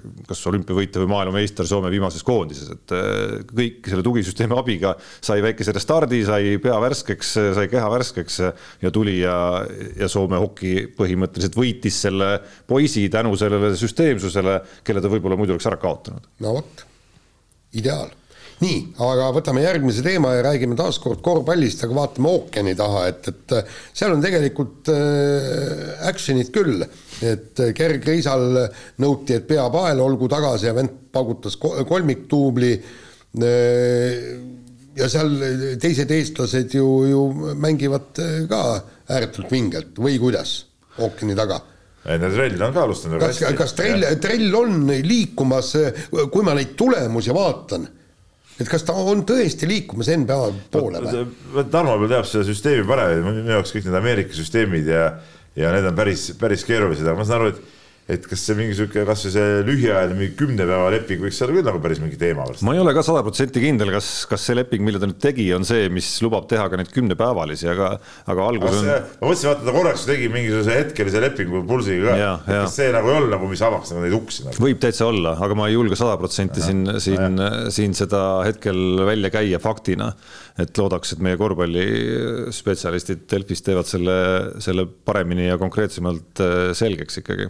aga jah, teisest küljest kuna kiire vahemäng ajalooliselt on meil ka naljamaiguga, siis vaat kus on probleemid ikkagi ka, et et kui oled äh, selline sotsiaalmeedia staar ja, ja fännide lemmik juba, siis äh, pead fännide soovidega arvestama ikkagi, et kui peapaela ikka nõutakse tagasi, siis peab olema. aga tal läks ju nullimäng oli ilma peapaelata või? ei, ei nullimäng ei olnud kus ta nullimäng oli, ega ta nullile hooaja esimeses mängus ei jäänud. jäi ikka ju. ei jäänud. miks ei jäänud? null punkti. Ei olnud, mis see jama, ei olnud. vaata järgi. vaatan järgi. veame Ihla, veini peale.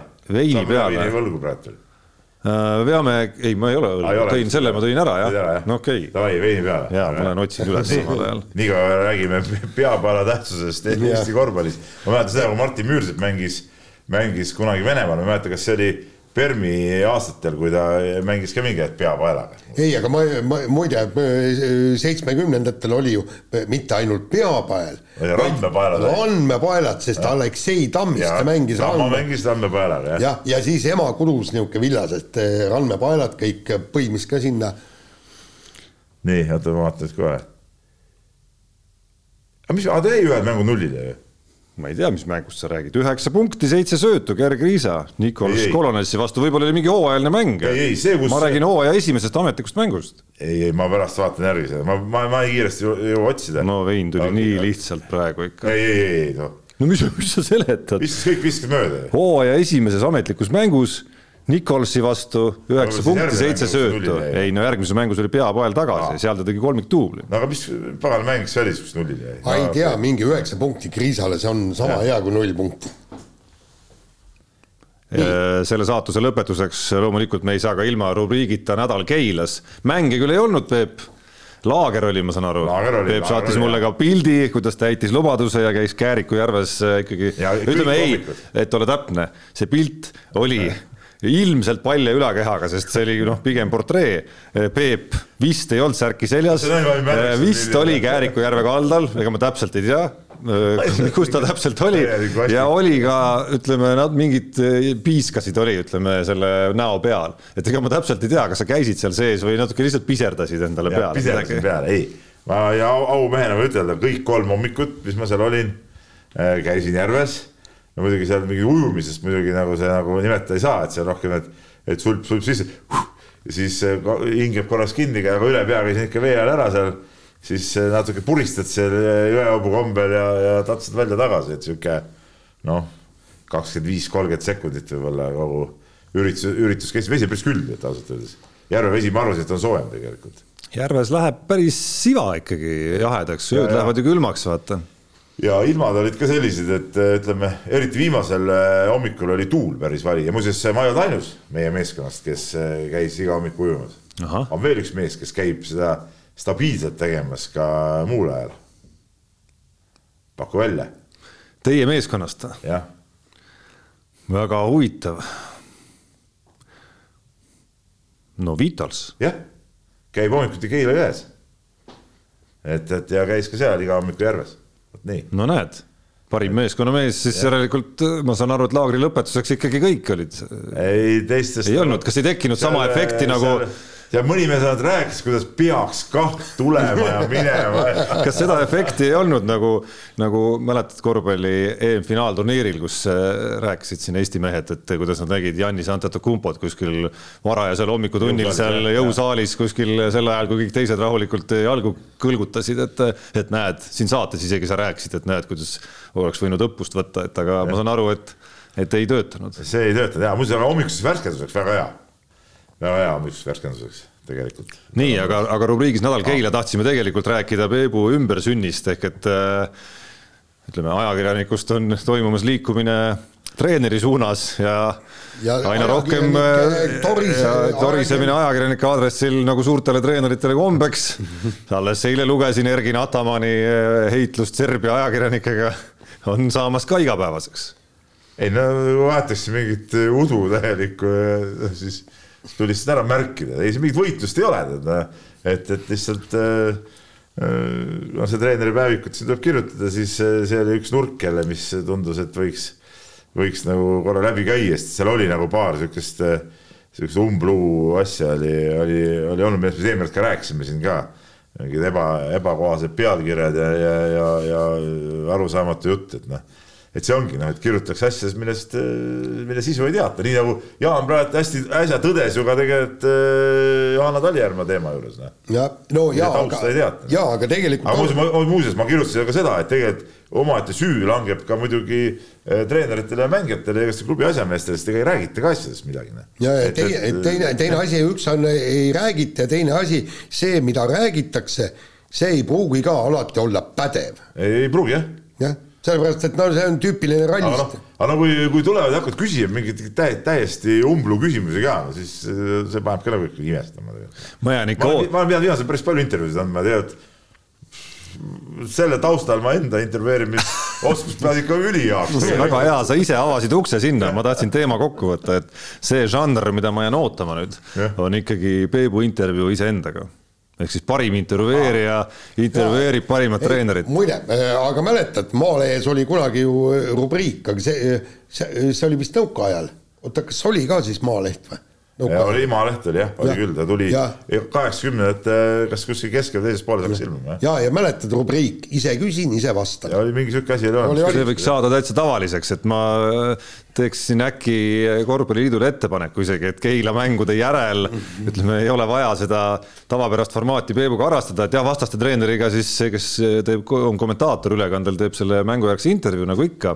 aga ah, siis, aga et kui sina tuled. Need intervjuud, no temal okeid. aga kui sina. muud umbluud on. aga kui sina, sinu kord on, noh siis lihtsalt tema taandub ilusti, sa võtad, sa annad mikrofoni kätte ja ise küsid, siis noh, teed seda, aa okei okay,, huvitav küsimus ja väga hea küsimus. väga hea küsimus ja siis hakkad vastama, noh niimoodi nagu ja. teed seal. jah, miks mitte. ja noh, siit annab edasi arendada veel, et me teame, et eh, kurioossel moel sinu ajahüpete saade on olnud pikal pausil, nüüd vist on kohe-kohe tulemas tagasi, et no, seal, seal üks jah. lähem, lähem aja formaat võiks samuti olla üks saade iseendaga. oota, aga kuidas me siis eh, ma pean siis jooksma ümber laua kogu aeg no.. no võid ka selle, selle sihukese dünaamika sisse tuua jah, see oleks ka nagu visuaalselt äge. jah. miks mitte noh no,. miks ka mitte jah. Nii, nii on. ja laseme kõlli.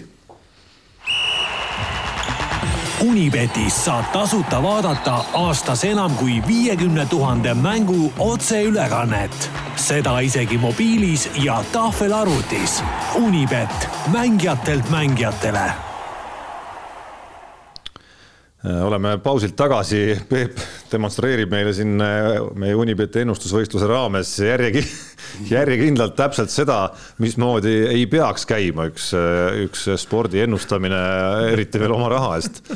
ehk siis ehk siis no, kohusetunnet kiidan muidugi, et siin vähemalt siia tulles läheb ta otsib kiiresti üles äh, mingisuguse live-ürituse, kuhu. pai kaks isegi. kuhu, kuhu nii-öelda investeerida, aga investeeringute tulusus jätab soovida. jätab soovida, sest mõlemad tänased investeeringud, üks viie, üks kümne eurone läksid vett vedama ehk kaotatud jälle. kindel võit oli, ühe KF oli üheksa koma viis, teisel oli kolm koma nelikümmend. võimas. Jaan, kas sinu tõus on alanud? ei, ei äh, täpselt seesama süsteem, mis, mis eelmine kord, panin äh, ralli peale kaks panust. ühe panin Ott Tänaku võidu peale, teise panin, äh, et Evans sõidab üle Sordo. ja noh, Ott Tänak ei võitnud, Evans sõitis Sordo üle, sellega läks väga lihtsalt. Sordo masin lihtsalt põles kiiresti maha ja oli vähemalt kindel, et, et kui Evans finišisse jõuab, siis see on võidetud, et panuse, aga siis mingi paar eurot võitsin no,. Ameerika... ma, ma ütlen vahele, ma lugesin mulle meelest ära, lugesin praegu kokku viimasest kaheksateistkümnest panusest on läinud täppi kaks. nojah. oota, mis, mis teema, Jaan, selle Ameerika jalgpalliga on? ei, ei. hooaeg käib ju. oota, oota, oota. mis hunt teeb, kuule? hunt midagi ootab. mida? seda, et keegi tahaks teda endale. miks keegi ei taha siis? ma ei tea sa nagu huvitav on sellest alast, ma vaatan. ei, hoian silma peal ja kõik, aga. ei vaata pühapäeva õhtuti ja mänge või? ei vaata. noh, nii on juhtunud no,, siin on. hunti ka ei ole ja, ja no,. vanasti hunti polnud ikka. kuule, see on esimene aasta sinu elus, Jaan, esimene hooaeg, kus sa ei kuule, vaata. tead, seal on hoopis igasugused muud probleemid, näiteks viimane pühapäev, eks ma ju võist-, vehkluselt tulin, millal ma tulin, tegin loosid, ma olin toimetaja, põhimõtteliselt. kuule, Jaan hakkab inimeseks ütleme niimoodi, et, et. ma näen siin mandumismärki. no ei tea, ega see Ameerika jalgpalli passimine seal ööd läbi ei ole Muide, mingi, mingi väga okei okay tegevus. pesapalli finaalseeriat vaatasin. pesapall, jumal, see on kõige igavam asi maailmas. ei, jube põnev oli. see on absoluutselt kõige igavam asi maailmas. aga, aga no alla ma ju ei anna, nagu sa tead, eks. jaa, no absoluutselt. Äh, minul äh, üks, ühest, ei, kuidas öelda, tegelikult no ikkagi jah, ühest üks, et ma panin panuse Eesti-Rootsi mängu ajal, kui Eesti oli jäänud seal alguses kümme pluss kaotusseisu. koefitsient oli kaksteist vist või? ja, ja siis mingil hetkel, kui Eesti jõudis järele, siis tegin äh, selle niinimetatud cash out'i. Äh, ehk siis ei jäänud ootama, kas Eesti võidab selle või, või kuidas see mäng lõpeb. ehk siis mingi väike pluss sealt tuli ja sain napilt üle, üle neljasaja siis oma saldo. ja uue nädala eripanus. mis see summa on? ongi napilt üle neljasaja, nelisada üks midagi või no mul on vist natukene rohkem. aga uue nädala eripanuseks on tellimused sisse antud, mis puudutavad jalgpalli MM-i, ilma isegi noh, teades teid nii hästi, kuigi Jaan siin üllatas mind natukene jalgpalli MM-ist rääkides, äh, palusin luua Mehed ei nuta eripanused kolme erineva meeskonna tiitlivõidule, kellest üks on siis loomulikult Argentiina ehk et Peebu ajalooline lemmik, teine on Inglismaa, Jaani ajalooline lemmik ja kolmas on Holland ehk minu ajalooline lemmik, et, et tavakoefitsientidena on seal Argentiina teisel kohal Brasiilia järel, kusjuures kuue koma viiega, Peep. siis on Inglismaa viiendal kohal kümne koma viiega ja Holland on seitsmendal kohal neljateistkümnega. nojah no., no Argentiinaga siin ei ole midagi rääkida, aga see koefitsient mind nagu ei huvitagi. kirjad. nii, kirjad, teadlane Priidik, alustame tema kirjaga jutt on nii, spordialasid võib jagada mitmet moodi, näiteks harrastajate ja vaatenumbrite alusel või selles spordis ringleva, ringleva raha järgi. kuid milline on saatejuhtide sügavalt subjektiivne arvamus äh,, subjektiivse arvamuse alusel spordialad, mis on mingitel põhjustel, näiteks ajalugu nii-öelda õilsamad kui teised, kerkides teiste alade hulgast esile?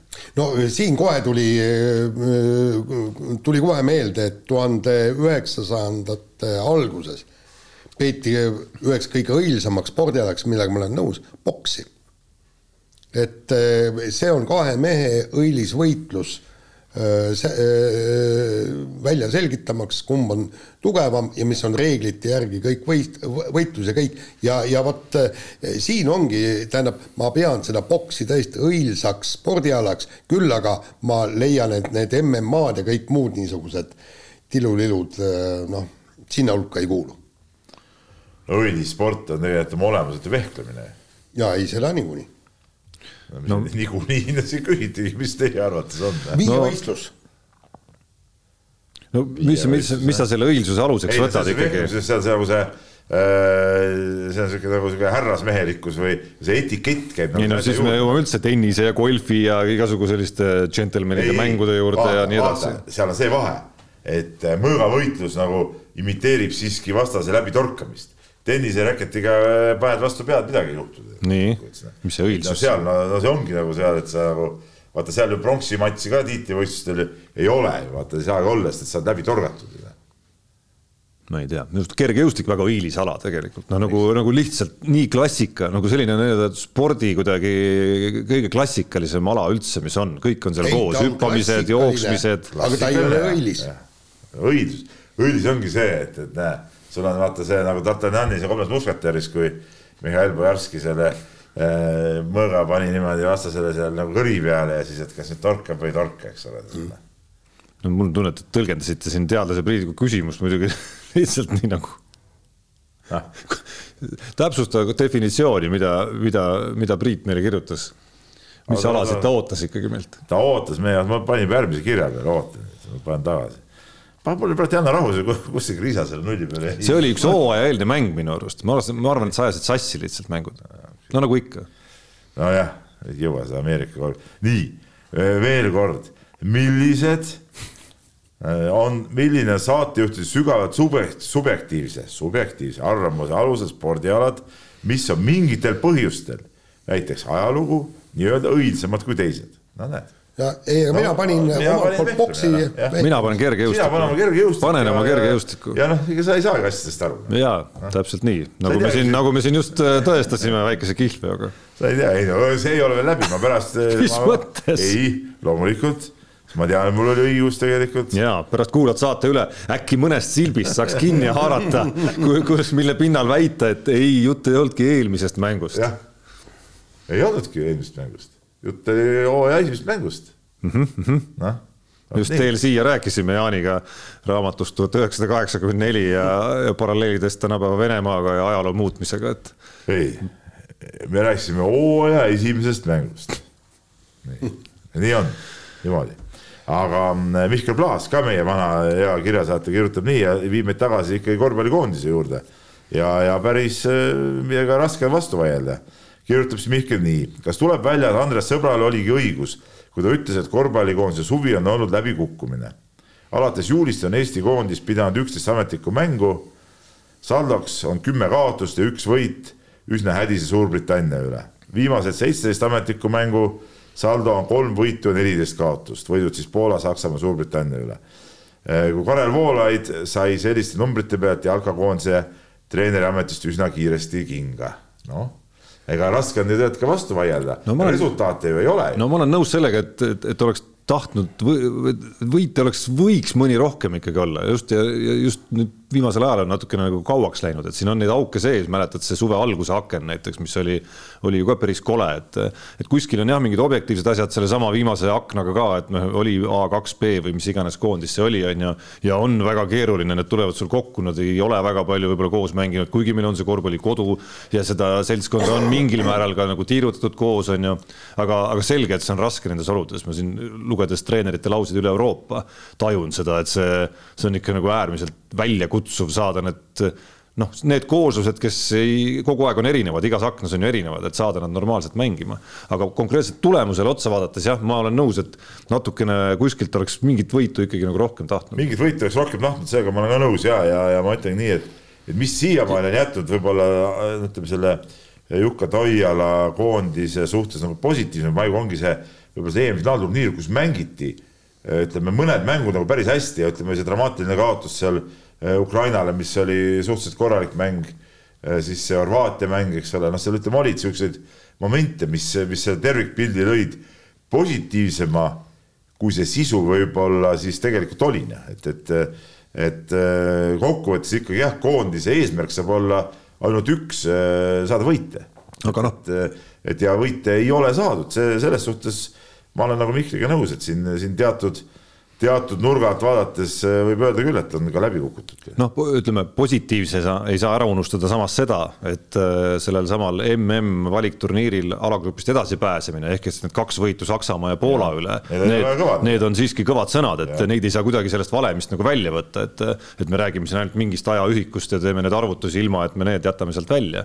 et see, see on ka oluline sinna, sinna sellesse komplekti kaalu, kaalumise komplekti juurde panna ikkagi, et saab olema olema, ma arvan, et see, ma ei tea, võib-olla sa, sa tead telgitagustest rohkem, mis puudutab Jukka Toiala uut lepingut ja, ja peatreeneri teemat, et äh, kui seal ei ole juba kuskil taga enam-vähem midagi kokku lepitud, ükskõik kas siis jätkamist või mitte jätkamist, et siis ma arvan, et see viimane aken natuke võib-olla tegi keerulisemaks isegi seda, seda mõttetööd vähemalt selle üle.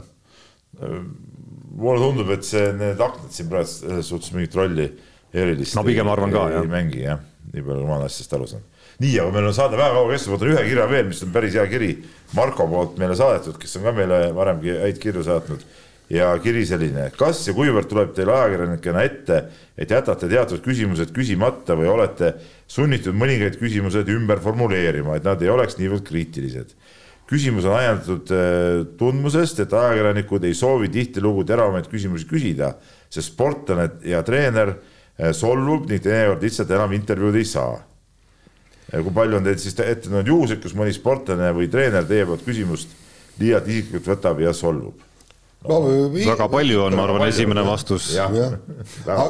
aga, aga õnneks on ka sportlasi, kellelt sa saad ka otse küsida, kelle juurde sa saadki minna, et, et kuule, polnud ju suurem asi täna, et, et miks nii kehv. noh, ja, ja, ja, ja sportlased nõustuvad, selgitavad, aga aga, aga see sõltub, sõltub sportlasest. mõnelt sa saad ju otse niimoodi küsida ja, ja teiselt sa kindlasti ei tohi midagi. ja pigem neid, kelle käest sa saad otse küsida, on ikkagi vähem kui neid, kes, kes ütleme, võtavad äh, nina äh, krimpsu mingi teatud küsimuse peale ja, ja kes, kes siis ütleme ka adekvaatselt selgitaksid mingeid olukordi ja asju, et miks miks asjad on nii, üldjuhul need käivad kuidagi käsikäes, et need, kes ei võta hinge, need on võimelised ka äh, suhteliselt äh, selgelt selgitama, miks see olukord on selline, äh, mingit tausta avama ja üldse avalamad suhtlejad. Need sportlased, treenerid, kes on ka muidu siuksed kinnised, ei taha eriti asjadest rääkida, need võtavad üldjuhul ka neid igast teravamaid küsimusi ja arvamusi valulikumalt. ja, ja teine asi on see, et sa lihtsalt formuleerid küsimuse ümber, eks et sa lihtsalt noh, küsid sportlaselt, et noh, umbes a la, et noh, et kui, kui kehvalt läheb, et noh, et ei olnud ju, sul ei olnud kõige parem päev, ilmselt sa lootsid äh, märksa ela, enamat, aga kuskilt läks midagi nihu, et on sul endal ka seletus olemas, et miks nii, tähendab, ühesõnaga sa, sa annad talle mõista, et tegelikult noh, ta on palju kõvem mees, kui see tulemus praegu näitas, et midagi läks järelikult. määrid mett moka peale. ja, ja ei, ei, aga mitte midagi teha ei ole, no tähendab, kui sa tahad mingitki vastust saada, siis, siis nii tuleb küsida. no eks see on tavalises suhtluses ju samamoodi, ma ei tea, kasvõi tööl või, või kuskil mujal, ma pean, ma jäin korra mõtlema siin, et ajakirjanikud ja sportlased on mõnes mõttes nagu sarnane rahvas ka, ma julgeks arvata, et seal sihukest tundlikkust on mõlemas leeris võib-olla keskmisest rohkem. no ei tea, ajakirjanikust, noh, võib-olla on tundlik ajakirjanik. no on ikka tundlik rahvas. no ma ei tea, mul on üldiselt, üldjuhul pohh. no üld, üldjuhul on ikka jah, noh. no ei pohh, tea midagi, kas ikka on? ei, no tegelikult on, noh no.. selles suhtes, et, et no mis siis on, mingi, mingi tont, oleneb, oleneb, kuidas sa võtad seda, kui sa mõtled, et et mis kommentaariumis kirjutatakse või? ei, seda või, ma nüüd, ei, ma mõtlen nagu üleüldist tagasisidet ka, noh. aga tagasiside tulebki sealt just ju. no tuleb ka otse, tuleb ka spordirahvalt, tuleb toimetuse seest, kolleegidelt, linna pealt, mis iganes ka, kommentaariumi ma siin nagu väga ei tõstaks esile. ei no aga no ma ei tea, mul on enamus sportlastega, mul on selles mõttes noh, et läbisaamine, et, et me räägime ju nendega ka lihtsalt üks asi on intervjuu. Tihtipuhku teed intervjuu ära, paned diktofoni kinni, siis räägid veel tükk aega edasi, et ja ja, ja kui, kui, kui sa näed vaba sportlast, kellega sa nagu intervjuusid teed, nagu vehklemishallis oli, eks, pühapäeval, kui kui Julia Beljajeva naiskonnaga ei veelnud, eks, seisis siin, vaatas matši, lähed ikka kõrvale ja räägi, räägid ilma igasuguse diktofonita lihtsalt, lihtsalt küsid, kuidas läheb ja siia-sinna ja kõik, et noh et, et kui sul on sportlasega niisugused suhted, siis tema tunneb ju sind ka, et teab, et tead, et, et kui intervjuu on, siis, siis ta on jah, ta on tont, küsib mult niisuguseid kuradi küsimusi, mille ma pean vastama. aga tegelikult on ta noh, normaalne inimene, kui me pärast räägime. no siis eh, sinu puhul see ju ei kehti ega, see sport äh, nüüd psühholoogiliselt kõige lihtsam valdkond ei ole muidugi, kus hakkama saada, et, äh, et ambitsioonid on sportlastel suured, oled, eriti kui sa oled seal tipu juures ja avalikkuse tähelepanu all ka veel, ootused endale on suured, tulemus on väga halastamatu, sekundid ja meetrid kõik ja skoortablool räägib alati enda eest. ja noh, eks teate ise ka, et äh, ütleme, oled mingites asjades, sa tead mingites asjades ise ka, et pagan, ma, ma olin sitt, eks ole, tegin midagi valesti. et see, et sa juba enesekriitikaga oled teinekord päris halastamatu, võid olla enda suhtes ja see, aga, ja seda sa lubad endale, aga, aga seda, et keegi teine tuleb ka veel samu asju ütlema, seda, seda võtad juba nagu valulikumalt, et miks, miks, miks, miks mul sinult vaja kuulda seda, ma tean ise ka. meil on küll sportlasi, kes ütlevad, et, et ma olin nagu tükk sitta no jaa, no see on. üks asi on seda öelda, ise nõustuda sellega, ise seda öelda, teine asi on siis ja. lõpuks lugeda seda mm, -hmm. lugeda seda ja mõelda, et pagan, nüüd sajad tuhanded loevad samamoodi seda no..